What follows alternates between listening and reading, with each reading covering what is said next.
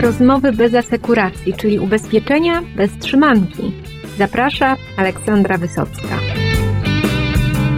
Na które technologie stawia kompensa, a na które cała grupa WIG? O tym opowie mój dzisiejszy gość, Rafał Mosionek, zastępca prezes kompensy, prezes BeSafe, a od niedawna również szef nowego Customer Experience Competence Center grupy WIG. Zapraszam. Prezesie, witam serdecznie w nowym roku, pełnym wyzwań, a do Pana listy dość długiej zadań doszły jeszcze tutaj wyzwania międzynarodowe, bo doszły na słuchy, że WIG powołał nową jednostkę, która ma się zajmować, jeżeli dobrze rozumiem, doświadczeniami klienta, no i Pan ma nią kierować. Proszę troszkę zdradzić, co to jest dokładnie za projekt. Tak, to prawda. Nowe wyzwanie z nowym rokiem przyszło również do mnie. My, jako grupa WIG, powiedzieliśmy sobie, myśląc o takiej strategii dla całej grupy międzynarodowej w perspektywie roku 2025, że chcemy skupić się na kilkunastu bardzo kluczowych działaniach. Jednym z nich jest właśnie obszar maksymalizacji pozytywnych doświadczeń klienta w taki sposób, żeby oczywiście te doświadczenia klienta pozwalały nam w dłuższej perspektywie na zwiększenie lojalności tego klienta, utrzymywania go z nami jak najdłużej, co też pozwoli nam na również możliwość zaoferowania innych usług, tych, które jako firmy ubezpieczeniowe grupy świadczymy. Punkt startowy jest dość trudny, dlatego że WIG funkcjonuje w modelu takim, gdzie na poziomie rynków lokalnych te kompetencje i to indywidualne podejście jest bardzo wysokie. Od strony właściciela nie ma zbyt wielu obszarów, gdzie są narzucane pewne standardy dotyczące sposobu, jak my robimy biznes, jak funkcjonujemy na poszczególnych rynkach. Natomiast udało nam się zauważyć, że ten obszar szeroko rozumianego kreowania pozytywnych doświadczeń klienta jest dość w grupie na różnym poziomie rozwoju. Są spółki i kraje, gdzie ten temat jest już w agendach zarządów i spółek od jakiegoś czasu. Są też miejsca, gdzie ten temat nie był wystarczająco zaadresowany. W tym kontekście pojawił się właśnie pomysł, żebyśmy zbudowali sobie takie centrum kompetencji, które to centrum kompetencji będzie zbierało najlepsze praktyki z grupy i starało się o nich opowiadać we wszystkich miejscach, gdzie ten potencjał właśnie w obszarze customer experience jest duży, a przez poszczególne kraje i spółki niewykorzystany. Dlaczego udało nam się uzyskać tutaj zgody grupy, żeby robić to z Polski? Tu odpowiedź pewnie jest dość łatwa, dlatego że grupa zauważyła, że zaczęliśmy robić sporo w tym obszarze. Mamy fajne pomysły, zbudowaliśmy całą strukturę pracy nad kreowaniem pozytywnych doświadczeń klienta. Mamy pole doświadczalne, jakim jest BeSafe, gdzie my od samego początku bardzo mocno w tej marce na ten obszar postawiliśmy, zbierając mnóstwo fantastycznych doświadczeń, robiąc mnóstwo eksperymentów, ucząc się bardzo wiele. I teraz też wyniki tej nauki między innymi chcielibyśmy wykorzystać szerzej, zarówno w skali tutaj grupy w Polsce, jak i międzynarodowo. Jeżeli chodzi o samo centrum, zaczynamy od regionu tak zwanego północnego. To jest pierwszy krok dla nas na powiedzmy pierwsze półrocze funkcjonowania, czyli Polska, kraje bałtyckie, z nastawieniem takim, że w czerwcu będziemy podejmować decyzję, gdzie idziemy dalej, z naszymi tutaj doświadczeniami. Postawiliśmy sobie kilka podstawowych celów. Przede wszystkim, żeby zbudować wspólny język między spółkami i krajami odnośnie tego, co to jest właściwie to kreowanie pozytywnego doświadczenia klienta, jak ocenić, czy te doświadczenia są dobre, czy nie, w jakich punktach kontaktu z klientem warto badać poziom satysfakcji, jakimi miarami powinniśmy się posługiwać. I chcemy ten wspólny język zbudować jak najszybciej, równocześnie identyfikując w różnych spółkach i krajach te procesy i te rozwiązania, które działają najlepiej. I pozwoli nam to na stworzenie też takiej dużej bazy wiedzy do wykorzystania w skali całej grupy, gdzie z poziomu tego centrum kompetencji będziemy chcieli niejako inspirować inne kraje i spółki, pokazując bardzo konkretne takie tak zwane use cases, gdzie ktoś w jakimś kraju, w jakiejś spółce zbudował taki, to, taki proces, dało to taki, to, taki konkretny efekt. Zobaczcie, być może w waszym kontekście biznesowym to też może fajnie funkcjonować. Biznes case jest gotowy, bo gdzieś już to zostało zmierzone w innej spółce, więc jest tylko kwestia decyzji robię, nie robię. Zaczęliśmy dość prężnie, na razie w małym zespole. Myślę, że ten zespół może rosnąć w momencie, gdy uda się w krótkim czasie pokazać, że drogę, którą tutaj jako grupa obraliśmy, naprawdę ma sens i bardzo szybko to centrum jest w stanie dowieść, że kreuje dużą wartość dla grupy w skali międzynarodowej. No to muszę powiedzieć, że jestem podekscytowana. Być może w którymś momencie pracy zespołu znajdzie się też miejsce dla prasy, czy na jakieś takie podsumowanie projektów, bo no mam wrażenie, że cały rynek, no rozumiem, że nie chcecie tutaj swoich najlepszych praktyk tak rozdawać wszemi wobec, ale może jakieś fragmenty będą mogły zostać upublicznione. Trzymam kciuki i no, myślę, że w drugiej połowie roku już być może coś się będzie działo. Jak to pan prezes szacuje, kiedy już jakieś takie pierwsze mierzalne rzeczy będą do komunikacji? Wewnętrznie ambicję sobie postawiliśmy taką, żebyśmy w czerwcu już mieli co opowiadać, ale to jest do wewnątrz, tak? Jeżeli chodzi o perspektywę zewnętrzną, no to myślę, że jeżeli utrzymamy tu naszą tradycję, na początku roku sobie rozmawiamy zawsze, to myślę, że na początku przyszłego roku będzie dobry czas, żeby opowiedzieć o tym coś więcej. I tak konkretnie, czyli ja teraz mówię o tym, na czym my się chcemy skupiać, a za rok być może będzie dobra okazja do tego, żeby odpowiedzieć na pytanie, jakie są trzy najfajniejsze rzeczy, które to centrum zrealizowało i jak grupa na tym skorzystała. Super, to trzymam tutaj za słowo, na pewno z tym pytaniem wrócę. No a teraz rzeczywiście zrobimy znowu takie koło i zapytam właśnie o te najciekawsze rzeczy tylko z tego roku, który już mamy za sobą. I tak właśnie układając tą listę pytań, zaczęłam się zastanawiać, czy rzeczywiście teraz należy rozmawiać o tych najciekawszych rzeczach, bo czasem jest tak, że obecnie no najbardziej takie wnoszące wartość do organizacji są innowacje, które no naprawdę nie są jakieś takie medialno ekscytujące, tylko są takie czasem procesowe, czasem mocno back-office'owe.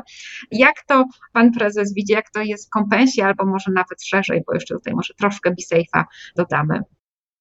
Myśląc o innowacjach, to rok ubiegły dla nas był takim okresem, gdzie my bardzo wiele rzeczy próbowaliśmy. Próbowaliśmy różnych pomysłów wygenerowanych w organizacji, Sprawdzaliśmy rozwiązania, z którymi też dotarły do nas firmy spoza organizacji. Konkluzja dla nas podstawowa jest taka, że nieustannie wierzymy, że będziemy inwestować w obszar związany z szeroko rozumianym wykorzystaniem sztucznej inteligencji w procesach. Tutaj zarówno ubiegły rok dowiódł nam, że warto, jak i rozmowa też z, naszymi zespołami wskazuje, że jest duże też zainteresowanie, żeby zwiększać skalę wykorzystania sztucznej inteligencji w naszych procesach wewnętrznych. Rok 2023 pewnie będzie już takim rokiem, gdzie będziemy mogli sobie powiedzieć, na ile nasze założenia dotyczące realnego wpływu biznesowego się już w większej skali zrealizują. I to pewnie też za rok, jeżeli będziemy mieli okazję powiedzieć, to będę mógł, zakładam, potwierdzić, że wszystko poszło naprawdę zgodnie z planem. Rok 2022 pokazał, że w tych miejscach, gdzie próbowaliśmy nawet rozwiązania przekraczały nasze oczekiwania, co nie jest częste, jeżeli chodzi o korzystanie z różnych nowości i technologii. Mam nadzieję, że rok 2023 podtrzyma tą opinię. Jeżeli chodzi o inne obszary, no to myślę, że biorąc pod uwagę sytuację na rynku, która jest, jak wiemy, bardzo wymagająca, bardzo, bardzo wymagająca, otoczenie inflacyjne, olbrzymia ilość zmian legislacyjnych, wysoka konkurencyjność, zwłaszcza w ubezpieczeniach komunikacyjnych, która też wpływa, jak wiemy, na marżę ubezpieczycieli, powodują, że tak naprawdę będziemy się skupiali głównie na rozwijaniu naszych kluczowych kompetencji dalej. No, nie ma wątpliwości, że cały czas musimy dbać o rozwój naszych kompetencji w obszarze pricingowym. Tutaj to jest niekończące pole do usprawnień. W sytuacji, gdy zwłaszcza w ubezpieczeniach komunikacyjnych jesteśmy na rynku o dużych wątpliwościach co do możliwości generowania oczekiwanych marsz, no te kompetencje w tym obszarze z całą pewnością muszą być cały czas rozwijane i tutaj połączenie technologii, kapitału ludzkiego i dużego zaangażowania menedżerskiego na pewno jest potrzebne i w roku 2023 na pewno poświęcimy temu dużo uwagi. W drugiej kolejności to cały czas chcemy rozwijać nasze zdolności dystrybucyjne i produktowe. Tu nieustannie zarówno grupa WIG w Polsce, jak i Kompensa ma ambicje, żebyśmy w tych miejscach, gdzie jeszcze nie jesteśmy obecni, czy to od strony dystrybucyjnej, czy od strony produktowej, żeby te luki zapełniać, po to, aby nieustannie te fundamenty dalszego wzrostu dla nas tutaj w Polsce budować. Strategia nasza multibrandowa, myślę, pozostanie bez zmian. Jako grupa kompensa my w tej chwili też no mamy sami jako grupa wiele marek majątku, mamy trzy brandy, życiu też mamy spółki dystrybucyjne, które mają swoje marki. W tym zakresie z całą pewnością będziemy chcieli też potencjał poszczególnych marek wzmacniać i wykorzystywać. W odniesieniu do operacji, zarówno posprzedażowych, jak i tego, co robimy w sprzedaży, będziemy też bardzo mocno chcieli właśnie korzystać w kompensie i w innych spółkach z tego, co w obszarze Customer Experience nasze Centrum Kompetencji wypracuje i zaoferuje. Na pewno te najlepsze praktyki, które tam zostaną zdefiniowane, będą też wpuszczane do organizacji na szerszą skalę.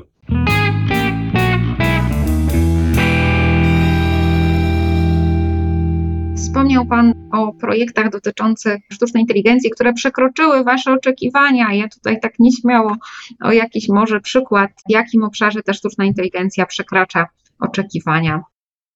Przez przekraczanie oczekiwań mam tu na myśli sytuację, w której badając potencjał technologii w jakimś procesie, na początku sobie definiujemy takie kluczowe czynniki sukcesu, a później po weryfikacji możliwości technologii sprawdzamy, czy te KPI zostały osiągnięte. I właściwie mówiąc o przekroczeniu oczekiwań, mam właśnie na myśli to, że KPI, które sobie stawialiśmy na początku, przed rozpoczęciem pracy z tą sztuczną inteligencją zostawały osiągnięte, a nawet przekraczane i to jest tym pozytywnym zaskoczeniem. Jeżeli mówimy o, konkretnie o, o jakim zastosowaniu tutaj mowa, no to myślę, że warto wspomnieć dwa przykłady. Przykład pierwszy to jest analiza dokumentacji medycznej w taki sposób, aby móc ocenić poziom choćby uszczerbku na zdrowiu i ta ocena dokumentacji przez sztuczną inteligencję pozwalała na automatyczne określenie, o jakim uszczerbku jest mowa, co w połączeniu z naszymi procedurami wyceny świadczeń pozwala na automatyczne wyliczenie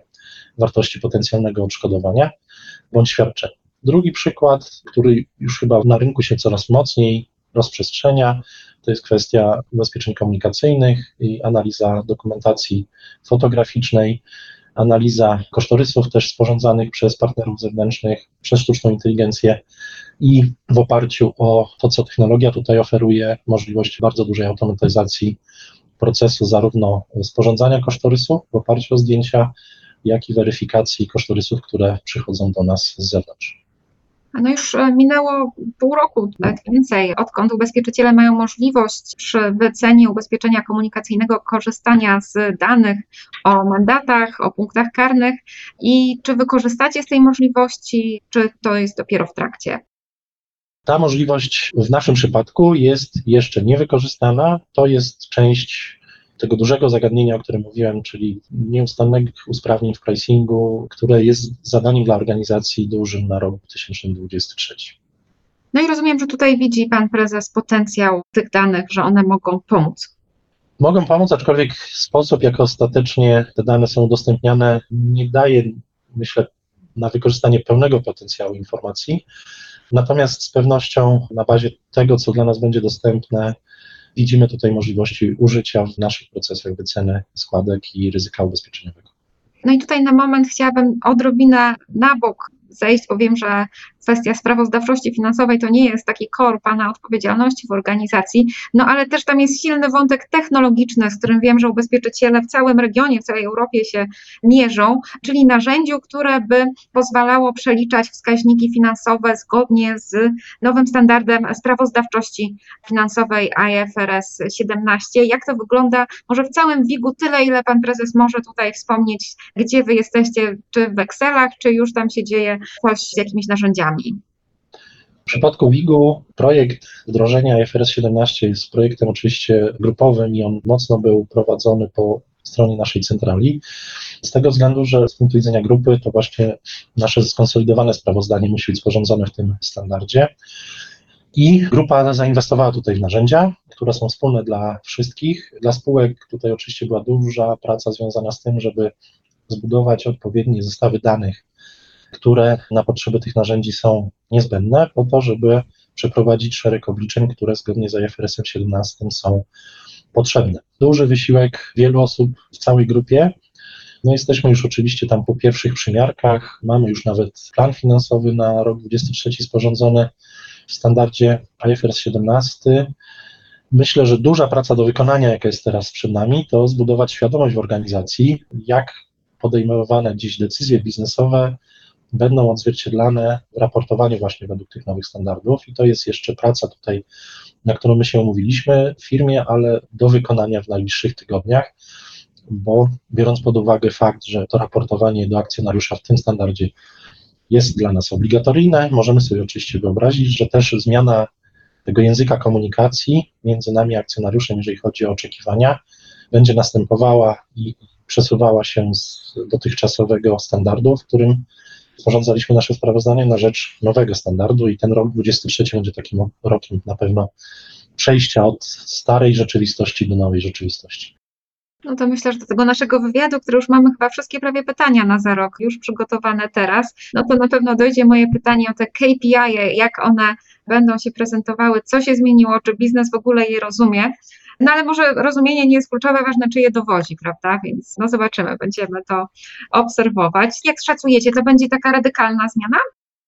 Myślę, że nowy standard skłoni do refleksji w pewnych obszarach, zwłaszcza w tych miejscach, gdzie dyskusja o tym, czy priorytetem powinien być udział w rynku, czy jednak maksymalizacja rentowności, może doprowadzić do podejmowania też jakichś decyzji na poziomie takim strategicznym, czyli na co się nastawiamy, jak to wpływa na naszą przyszłą strategię funkcjonowania. Tak? Ten nowy standard wymusza, w mojej ocenie, autorefleksję taką, jeżeli chodzi o pewne obszary biznesowe. Natomiast no my jeszcze jesteśmy w przeddzień tej dyskusji, więc dzisiaj absolutnie nie podejmę rękawicy, żeby powiedzieć, czy to wpływa jakkolwiek na naszą strategię, czy nie. Natomiast zidentyfikowaliśmy sobie kilka obszarów do dyskusji, co do których w perspektywie na pewno kilku najbliższych miesięcy powinniśmy mieć ostateczne rozstrzygnięcia, w którą stronę idziemy. Tak więc wydaje się, że ten nowy standard rachunkowości może też doprowadzić do pewnej reorientacji takiej strategii biznesowej.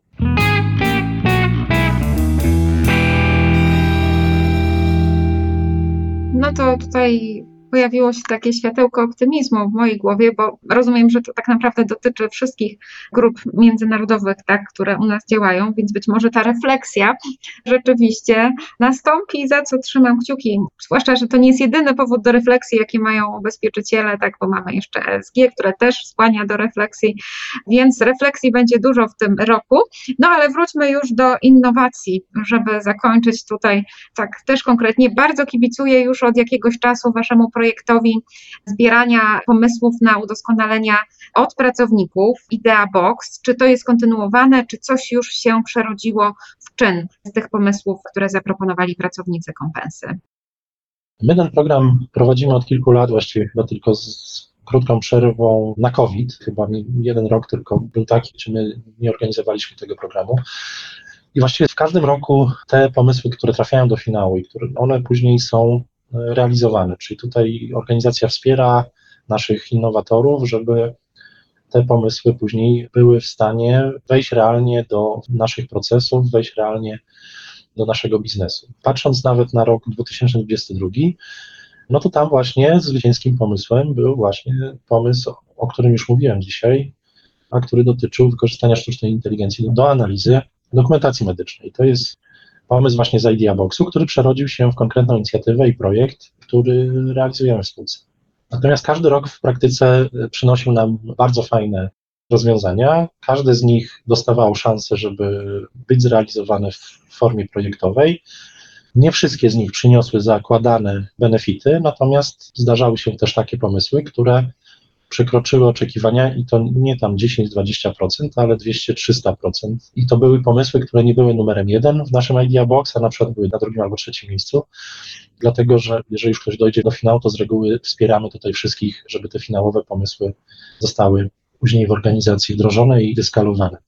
Naprawdę mamy fajny zespół pracowników. Ubiegłoroczna edycja naszego programu Idea Box no była rekordowa, jeżeli chodzi o liczbę zgłoszonych pomysłów. Naprawdę trudno było wyselekcjonować te, które w naszej ocenie miały największy potencjał biznesowy przy jakimś racjonalnym koszcie wdrożenia, bo pomysły naprawdę bywały i takie z kategorii że nawet nową spółkę można by było założyć tylko dedykowaną do realizacji niektórych pomysłów. Natomiast oczywiście gdzieś oceniając wszystkie innowacje, my patrzymy przede wszystkim na dwa wymiary. Wymiar pierwszy to jest potencjał taki biznesowy, czyli jakie benefity dla organizacji możemy mieć, a wymiar drugi to jest skala złożoności realizacji tego pomysłu.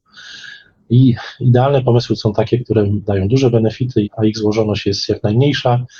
I chyba już nasi innowatorzy wiedzą, że to jest ten wzorzec, którym później zarząd się posługuje, wybierając te pomysły, które są nagradzane.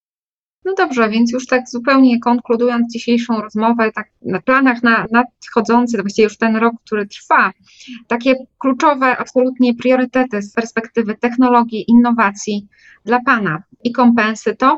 Wykorzystanie przede wszystkim potencjału tego, co mamy, bo my zbudowaliśmy bardzo dużo rzeczy od strony technologii i od strony również takich kompetencji, które mamy w organizacji, które możemy na pewno w znacznie większej skali wykorzystać. Nie mówiłem o tym wcześniej, ale chyba warto o tym wspomnieć. Udało nam się na przykład w ubiegłym roku zbudować coś, co my nazywamy fabryką produktów. Przez fabrykę produktów mam tu na myśli maszynkę technologiczną, która pozwala nam na wprowadzanie nowych produktów w ekstremalnie krótkim czasie.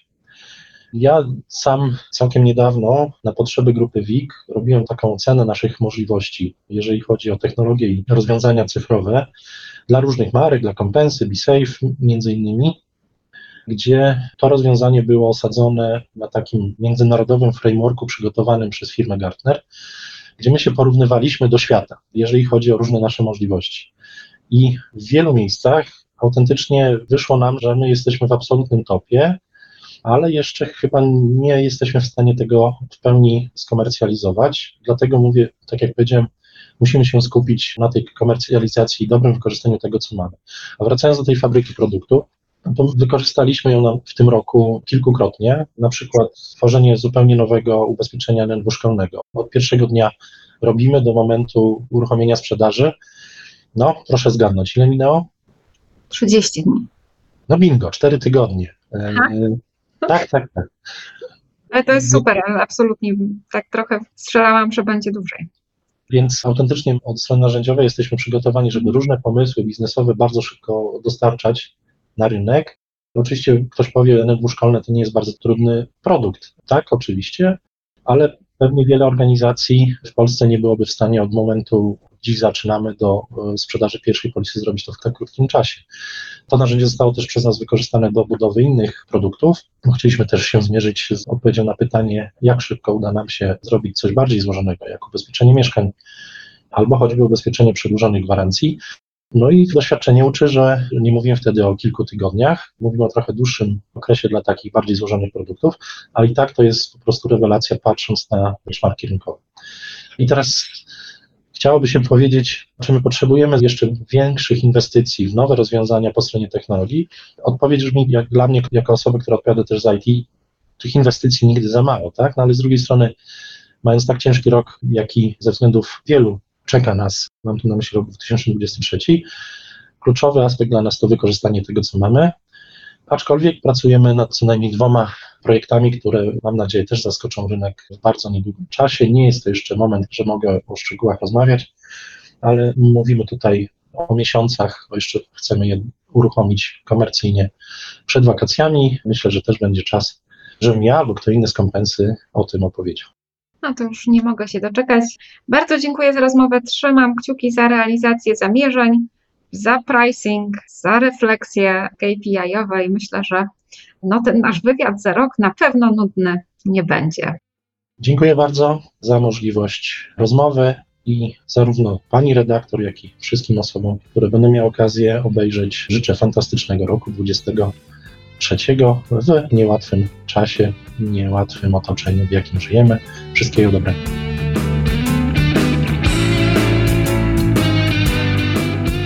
Nowe technologie pojawiają się regularnie, ale myślę, że warto wziąć do serca radę Rafała Mosionka i przyjrzeć się tym technologiom, które już zostały wdrożone, a ich potencjał nie jest w 100% wykorzystany. No a czasem jest tak, że nawet nie jest wykorzystany w 10%.